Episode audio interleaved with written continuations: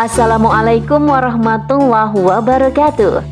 Sahabat podcast Narasi Pos Media, kembali lagi bersama saya, Yeni, dalam rubrik opini. Berikut selengkapnya. Desiran peluru berhamburan dalam monopoli konsesi tambang emas Papua oleh Nur Jamilah SPDI. Kembali, pejabat negeri ini melempar somasi pada rakyat yang sekedar membeberkan data demi mengungkap suatu kebenaran. Alih-alih membalas data dengan data, luapan emosi justru yang menyeruak. Konsesi tambang emas Papua memang menyimpan sejuta misteri. Tanah emas, namun rakyat terkulai lemas. Rupanya korporasi sedang bermain mata dengan penguasa. Tak ayal, urusan militer dan politik ikut terseret dalam pusaran ekonomi. Diwartakan dari www.bisnis.tempo.co bahwa Menteri Koordinator Bidang Kemaritiman dan Investasi Luhut Binsar Panjaitan telah melayangkan somasi pada Haris Azhar dan Koordinator Kontras Fatia Maulida atas terbit dari viralnya video wawancara mengenai konsesi tambang emas di Blok Wabu. Intan Jaya, Papua. Tak disangka, sejumlah pejabat dan jenderal ikut terseret namanya. Di antaranya Luhut dan PT Toba Sejahtera. Namun hal itu ditanggapi lain oleh Wakil Ketua 1 Komite 1 Dewan Perwakilan Daerah DPD dari Papua, Philip Wamafma. Seharusnya Luhut membuka data ke publik soal tudingan itu. Data dilawan dengan data sehingga publik bisa menilai dan menelisik kebenarannya. Somasi menjadi pilihan yang emosional dan childish untuk urusan sebesar ini. Indonesia, negeri zamrud khatulistiwa yang memiliki kekayaan alam yang berlimpah, termasuk tambang emas, sehingga menjadikan Indonesia menempati peringkat ketujuh sebagai negara penghasil emas terbesar dunia. Tahun 2020, emas yang diproduksi mencapai 130 ton. Setidaknya ada delapan tambang emas terbesar yang menyumbang produksi emas nasional dan dunia. Perusahaan pengelola tambang emas itu bukanlah BUMN, melainkan swasta. Bahkan didominasi swasta asing. Ini diawali sejak tahun 1967 saat rezim Orde Baru mulai meliberalisasi perekonomian nasional dengan mengeluarkan Undang-Undang Nomor 1 Tahun 1967 tentang penanaman modal asing hingga sekarang. Papua sebagai penghasil emas terbesar. Siapa sangka penambangan emas di sana tak hanya terkait masalah ekonomi, namun juga melibatkan kekuatan politik militer. Ini terkuak dari laporan ekonomi politik penempatan militer di Papua kasus Intan Jaya. Hasil penelitian mereka menunjukkan bahwa operasi militer ilegal Papua ditunggangi kepentingan ekonomi politik. Diduga kuat ada relasi antara konsesi perusahaan atau korporasi dengan pengerahan pasukan militer di Papua. Kasus Intan Jaya ini menjadi salah satu sampelnya.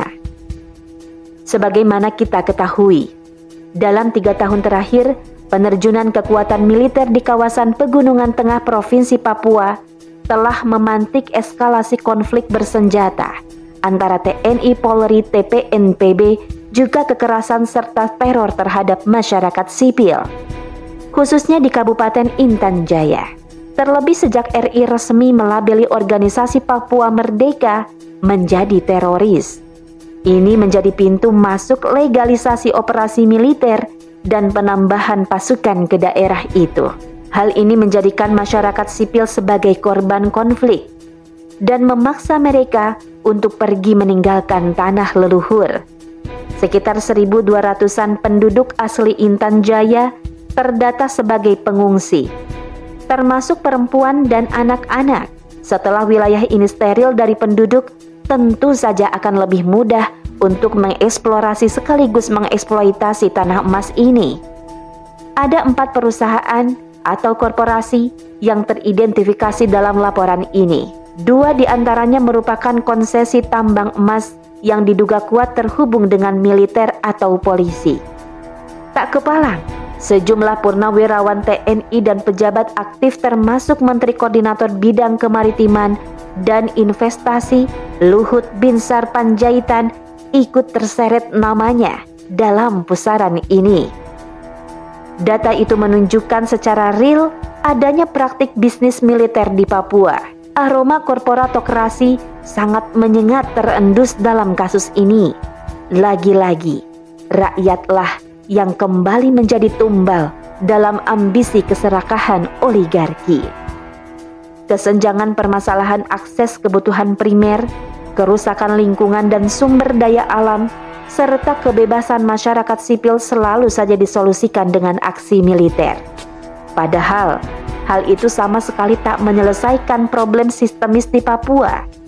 Menurut Nur Hidayati dari Walhi Eknas, akar masalah dari konflik Papua ada empat. Pertama, ketiadaan pengakuan atas masyarakat Papua yang berujung diskriminasi tampak dari masuknya beragam proyek ekstraktif ke Papua tanpa persetujuan warga setempat.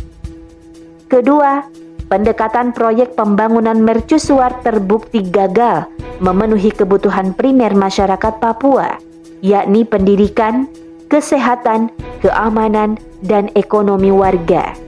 Proyek Trans Papua sejatinya menguntungkan para korporasi dalam hal mobilitas, sedangkan rakyat hanya bisa gigit jari.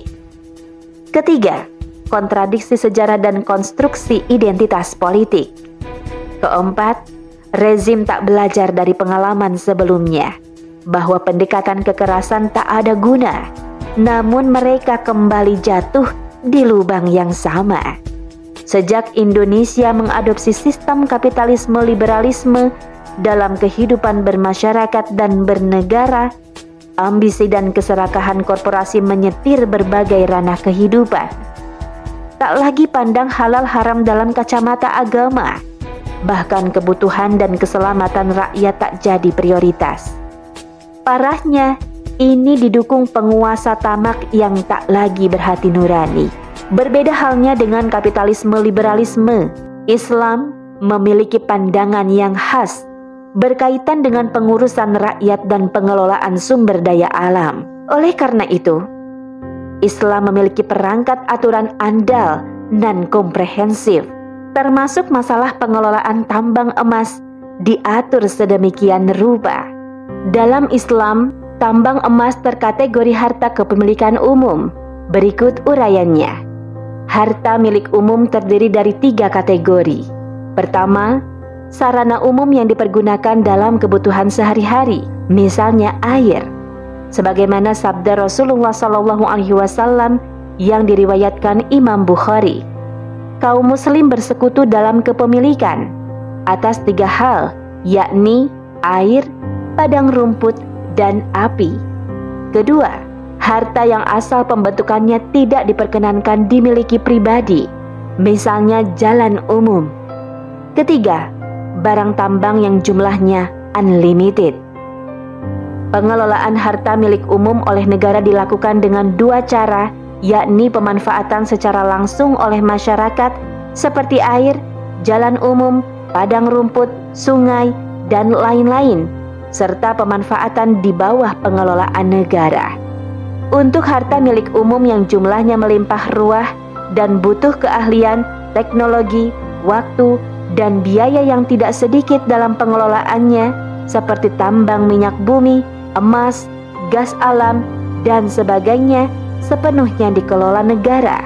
Namun hasilnya secara keseluruhan diserahkan untuk membiayai kebutuhan primer masyarakat berupa sandang, pangan, papan, kesehatan, pendidikan, dan keamanan dengan mekanisme yang berbeda. Berbekal paradigma itu, Islam akan secara tegas melakukan penanganan konflik di Papua sebagai berikut. Melakukan pembatalan pada saham kepemilikan individu atau swasta, baik asing ataupun domestik, dengan membayar biaya pokok dengan harga normal atas saham yang telah dibeli dan investasi yang telah ditanam. kemudian membubarkan perusahaan terbatas atau perseroan saham yang berkecimpung dalam pengelolaan harta milik umum. Setelah itu, negara akan mengambil alih seluruh kepemilikan umum dengan pengelolaan langsung atau mengontrak perusahaan swasta lokal dengan akad ijaroh layaknya majikan karyawan. Perusahaan swasta bukan sebagai pemilik atau pemegang konsesi. Tak lupa, menindak tegas oknum-oknum pejabat yang bersekongkol dengan korporasi melalui mekanisme pemecatan dan penjatuhan sanksi hukum agar menimbulkan efek jerah karena telah mengkhianati kepercayaan rakyat demi kesenangan sesaat. Tak kalah penting, mengembalikan kekayaan Papua agar bisa dinikmati warga setempat dengan sistem pendistribusiannya yang adil. Solusi paripurna dari Islam terkait penanganan Papua tadi mustahil terwujud jika kerangka berpikir dan ideologi yang dipijak masih kapitalisme liberalisme. Karena sistem ini tidak disupport hal tersebut.